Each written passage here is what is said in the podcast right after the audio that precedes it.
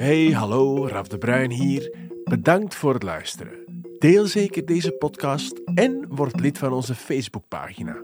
Op die pagina kan u vragen stellen, voorstellen doen en zelfs feedback geven. Want alleen via dialoog blijft de kwaliteit hoog. Hey, dat rijmt. dat rijmt. Even opschrijven. Soms verandert rust in pure chaos, van de ene op de andere moment. Zoals bij mij op het werk vanmorgen. Het was acht uur s morgens, ik was nog niet goed wakker en... Plots gebeurt dit.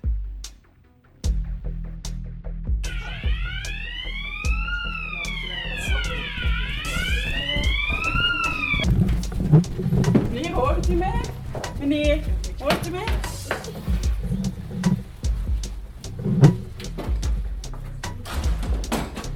Charlotte, geen ademhaling. Ademhaling. Oké, Chelsea, kunt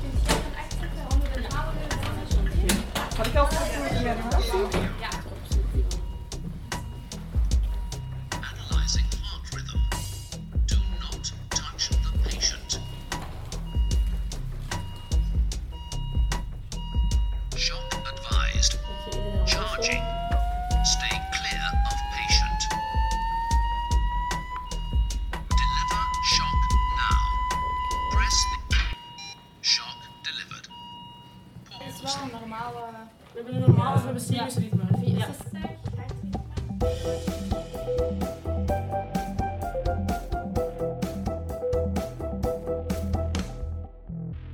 Oké, dames, wat is hier zo net gebeurd? Vertel eens.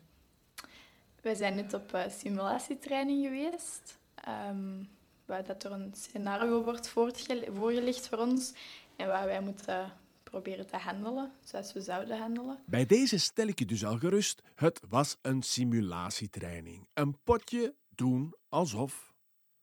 Sinds jaren hoor ik de wildste verhalen over deze onderwijsvorm, die keer op keer de grenzen lijkt te verleggen. Hoog tijd dus om dit onder de loep te nemen. En hoe kan ik dit beter doen dan mij onder de studenten te mengen en het op mij af te laten komen? Dat is voor mij de eerste keer dat ik dat heb meegedaan. Dat heb ik ook gemerkt. Ja. Ik heb er een paar keer zelfs mij de mond gesnoerd. Ja, ja. Ja, ik ben, ik, ik ben volledig meegezogen in heel dat verhaal. Ik wou dat mee vertellen. En, Je waart zo meer tussen de leerlingen. Ik vond Ja. dat je meer zo aan onze kant stond dan... ja, ik, ik zat ook volledig aan jullie Ja, kant. want ja. Ik, ik heb daar nu drie uur meegevochten. Ik ben, ben moe. Ik heb nog niet eens zelf iets moeten doen. Ja, klopt. Allee, je moet een beetje ja, toneel spelen. Hè? Zeker als je in die ruimte zelf gaat. Ja, je moet je wat inleven in een bepaald, bepaalde situatie. En dat, vra allee, dat vraagt wel wat van u, vind ik. Samen met Charlotte Bombeke, Hanna Schenk en de rest van de klas geef ik mij over aan de simulatiecel van de Karel de Grote Hogeschool. Wat is de meerwaarde? Hoe ver kan je hierin gaan? Is het een duur project en zijn het die investeringen allemaal wel waard? Ik zoek het voor u uit. Mijn naam is Raf de Bruin. Welkom bij Broadcast Nursing. Dit is een aflevering van Broadcast Nursing, het KDG. What you see is what you get. Het motto van de simulatiecel.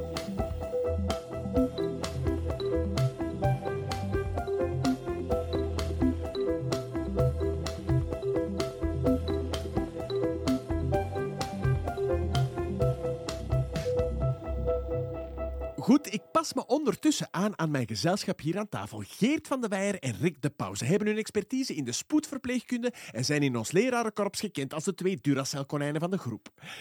Ah, nee, dit hou ik zelf niet vol. Dag heren. Is een Duracell-konijn zijn een vereiste om spoedverpleegkundige te worden? Ehm, Nee, dat is geen vereiste om Liefst niet, te nee. worden. De energie die dat we nu steken in de simulatie is zeker zinvol. En daar kunnen wij ons eh, volledig op uitleven. Dus in dat vlak is dat ADHD-stukje wel fijn. Simulatie, iets doet mij vermoeden dat dat geleidelijk aan is ontstaan in de opleiding. Hoe- Rick? ja, ik ben hier ehm, in 2014 gestart, academiejaar 14-15. En dan hadden wij de opzet om met, binnen de leergroep van 3V, nu toen het afstudeerjaar, om dan toch ja, tijdens die leergroepen eh, die studenten in die leergroep een scenario te laten doorlopen. Heel primitief nog allemaal. Zeg, je zegt primitief. Wat, Ja. wat moet ik mij daarbij voorstellen? Is dat bokrijk primitief? Of, eh, Ja, prehistorisch, primitief, ja. Ik kom nog uit een tijd dat wij toneeltjes moesten spelen voor, ja, voor uw klas, waar dat dan 30 man aan het kijken was en commentaar achteraf mocht geven. Zeer, eh, zeer onaangenaam. Ehm, dat is dan geëvolueerd naar een gordijn met een camera en een televisiescherm. Nog altijd zeer onaangenaam. Dat was compleet ja, niet veilig, hè, want die hielden zich allemaal in om, eh, om, ehm, om geen fouten te maken. Hè.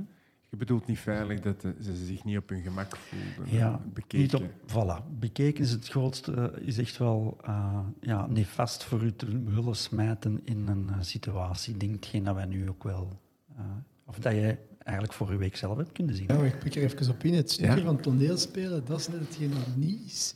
We proberen de scenario's zo te maken en zo op te bouwen, dat er is natuurlijk altijd een zeker ehm, ja, verbeeldingsvermogen nodig van de studenten om zich een deel te kunnen inleven, maar het stuk toneel valt eigenlijk weg, want je merkt als de studenten in het scenario bezig zijn, dat dat...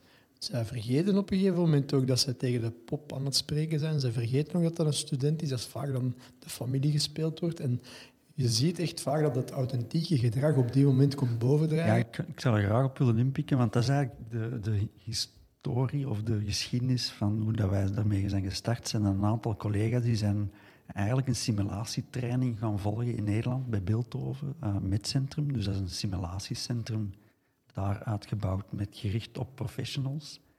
Um, en die kwamen dan met hun ervaring van die simulatie terug als zijnde van, ja, ik heb mij daar keihard moeten smijten en wat hebben wij allemaal fout gedaan? En dat is dan gedebriefd. Allee, zeer enthousiast. Waaruit uiteindelijk de vraag rees... Is dat misschien geen idee om dat hier binnen huis ook op te starten?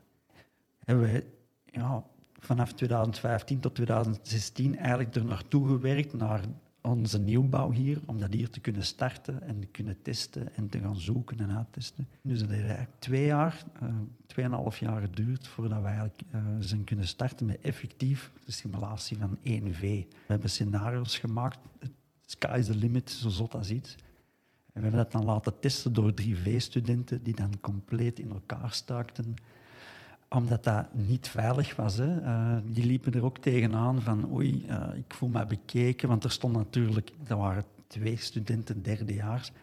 Er stonden tien docenten op te kijken. Um, ja, we hebben dat eigenlijk gewoon moeten stopzetten. Uh, omdat we merkten, ja, in, in, um, in de literatuur wordt dat heel vaak beschreven. En dat is denk ik ook terugverwijzen naar jou, Raf, wat je dan hebt gemerkt van die psychologische veiligheid. Je moet je veilig voelen. En wij hadden dat toen compleet niet gedaan. Dus dat is al mijn eerste beginnersfout waar we, waar we um, iets van hebben gedaan. Wie uit zijn fouten leert, die komt er alleen maar sterker uit. En uiteindelijk wordt het format ingebed in de hele basisopleiding en ver daarbuiten. We werken ook samen met de voetvrouwen. We doen dat in, in externe bijscholingen. Uh, daar ja. kan Geert zeker nog over vertellen. Uh, wij doen dat in de navormingen of postgraduaat cardio, onco, onco. cardio. Ja. Zeg, zeg, om even uh, terug te komen yes. op, de accommodatie dat je hebt. Ja. Hè. Je hebt nu bij ons het Skills Lab, dat ziet er dus uit als een ziekenhuis. Maar in welke mate is een technologie daarin uh, geëvolueerd? Ja, het is inderdaad zo. We hebben de luxe nu, zoals dat de meeste hogescholen gebruik maken van poppen, dat noemen ze dan low fidelity poppen. Die kunnen gebruikt worden om maakzonden te plaatsen, blaaszonde, wondzorg of gewoon het wassen van de patiënt en dergelijke. Uh, dat zijn low fidelity poppen. En wij hebben een aantal poppen die dan high fidelity zijn. Dat wil zeggen, het verschil zit hem daar dat die poppen gebruik maken, die kunnen aangestuurd worden, de bloeddruk meten, maar ook de ogen openen, sluiten, de pupillen die zich aanpassen tot extremere dingen. Die kunnen zweten, tranen. Um, als, als, je zou zonde plaatsen, zou er urine kunnen uitkomen. Of als je die gekleurd maakt, kan bijvoorbeeld hematurie zijn met bloed, bloed in de urine. Dus dat is, daar zit het verschil, dat je de ademgeluiden kunt aanpassen. En dat kunnen allemaal real-time uh, door de operator, door de persoon die dat eigenlijk achter een uh, spiegelend glas zit, die dat de pop op die moment kan aansturen vanuit de computer. Dus daarin is een transitie eigenlijk. En merk je dat we die simulatie zo levensecht mogelijk kunnen maken, omdat je op die moment Als de, de, de, de studentenverpleegkundigen een interventie doen, ze geven iets van medicatie of ze gaan de patiënt wat rechter zetten, zuurstof geven of gelijk wat, dan kan de pop, of de, de, de, de, ja, de pop daarop ehm, ageren eigenlijk. En dan kunnen zij opnieuw gebruik maken van die nieuwe kennis die ze opdoen, door daarop te anticiperen. En zo bouwt dat scenario zich op. Ik denk het leerrendement dat de studenten halen uit het doorlopen van simulatietraining is meer dan waard. Het gaat om over de ervaring die we de studenten kunnen meegeven voordat ze op stage gaan of voordat ze later in de praktijk gaan werken. En het is net daar dat simulatietraining een grote meerwaarde heeft om tussen de, de, de, de gap, de kloof die er is tussen de theoretische kennis die studenten krijgen binnen de gewone curriculum van hun bacheloropleiding verpleegkunde en het gaan oefenen in de praktijk met de patiënten. En telkens proberen we die kloof een beetje dicht te rijden door gebruik te maken van simulatietraining. Maar we gaan zien hoe kunnen we studenten voorbereiden dat ze gesterkt op stage kunnen gaan. Dus in het eerste jaar hebben ze sowieso simulatietraining voordat ze mm, sommige studenten de eerste keer in contact komen met een echte patiënt. En dat bouwt op in de jaren. De moeilijkheidsgraad van de scenario's stijgt dan ook. Maar dan denk ik ook wel van hoe kun je nu het format eruit halen dat het meeste leerrendement heeft? Door onze ervaring, maar natuurlijk ook door gewoon de literatuur eh, na te gaan, zie je eigenlijk dat het simulatiegegeven, voornamelijk simulatietraining, voornamelijk ehm, gebaseerd is, of de- het succes van de simulatietraining, ik zal het ons zo noemen, is gebaseerd op de debriefing. Dat is de grote sleutel. Het scenario op zich is 10 minuten tijd. En na die 10 minuten is er ongeveer drie kwartier die de tijd genomen wordt om met de studenten die het scenario gedaan hebben en de anderen die geobserveerd hebben in een andere ruimte, het volledige scenario te gaan debriefen. En we focussen erop om de studenten zelf de antwoorden zijn het vaak niet, maar de clues te laten vinden. Waardoor dat zij zelf zeggen van, ah ja, dat is waar. En dan empower je eigenlijk de student. En dat is hetgeen dat het zo sterk maakt. Dan voelen ze zelf van, hé, hey, ja, ja, ja, ja, met een klein beetje hulp, met wat krabbeltjes on the way, kan ik zelf tot een, een, een- goed idee komen, een goede oplossing. En dan merk je dat die boven zichzelf uitstijgen en enorm terecht fier zijn op, op, op hun resultaat dat ze geboekt hebben. Ja, en dat, eh, om daarbij aan te sluiten, het is, is, ehm, het is niet op punten. Eh, en, en dat maakt dat studenten komen in een leergroep, dat doordat het niet op punten is, gaan ze zich meer smijten, meer durven doen, omdat je kunt alleen maar winnen. Je kunt niks verliezen. Als ze naar simulatie komen, is het eh, is dat een andere sfeer. Ik weet niet of ik dat kan omschrijven, misschien wel wat losser. Dat is zeker zo. Ja. en, en ik kan dat toch wel heel erg benadrukken. Wij kijken niet wat er fout loopt, wij kijken naar wat er goed gaat. Ja, en je ziet dat het door de debriefing te doen met heel de groep, ehm, helpt het andere studenten ook om dingen bij te leren. Dus het is niet enkel dat je iets leert door de simulatie zelf te doen. Kent u Harari? Yuval Noah Harari, de bekende schrijver. U las misschien al een van zijn bestsellers, Sapiens of Homo Deus. Wel, hij heeft mij onlangs wat bijgeleerd. We kennen het allemaal. Je hebt weinig tijd. Je dreigt te laat te komen op je werk. Je zit in je auto en jawel, je staat in de file. Je geraakt gefrustreerd, je ergert je blauw en je vloekt er ooglijk op los. Wel, wat zegt Harari? Als je dat voelt, ja, dan moet je trots zijn. Trots op je superkracht. Want hierin onderscheidt de mens zich van alle andere levende wezens. Het verschil ligt immers niet in communicatie en evenmin in het gevoel van empathie, maar wel in het verzinnen van verhalen en het koppelen van gevoelens aan die context. U zit dus in uw wagen, maar die wagen die is verzonnen door de mens. U rijdt op de snelweg. U houdt zich aan verkeersregels, verzonnen door de mens. U rijdt naar uw werk, verzonnen door de mens. U rijdt binnen een bepaalde tijdsgeest, allemaal verzonnen door de mens. En toch bent u gefrustreerd. In 1938 klonk het volgende door de radio. Ladies and gentlemen, we interrupt our program of dance music to bring you a special bulletin from the Intercontinental Radio News. At 20 minutes before 8 Central Time, Professor Farrell of the Mount Jennings Observatory, Chicago, Illinois, reports observing several explosions of incandescent gas occurring at regular intervals on the planet Mars. The spectroscope indicates the gas to be hydrogen and moving toward the Earth with enormous velocity. Professor Pearson of the observatory at Princeton confirms Farrell's observation and describes the phenomenon as, quote, like a jet of blue flame shot from a gun, unquote. Miljoenen mensen geraakten hierdoor in paniek, want het was een nieuwsbericht dat aankondigde dat er een plotse agressieve invasie was van buitenaards leven. Op sommige plaatsen leidde dit tot absolute chaos. Nu, die paniek die had vermeden kunnen worden, hadden ze de radio iets vroeger opgezet. Broadcasting System and its affiliated stations present Orson Welles and the Mercury Theater on the Air in The War of the Worlds by H.G. Wells.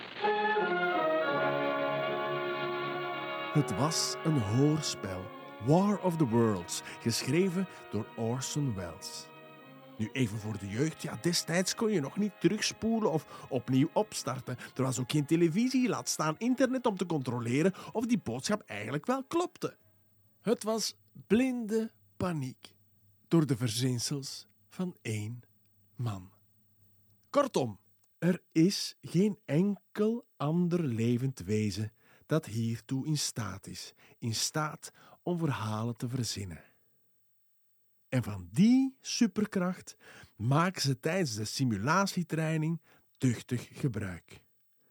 Dankzij een beetje inlevingsvermogen leer je jezelf overstijgen. Hoe cool is dat? Zometeen in deel 2. Hoe verloopt een simulatietraining? Hoe vergaat het de studenten? En wie is Retaubak Nenepki?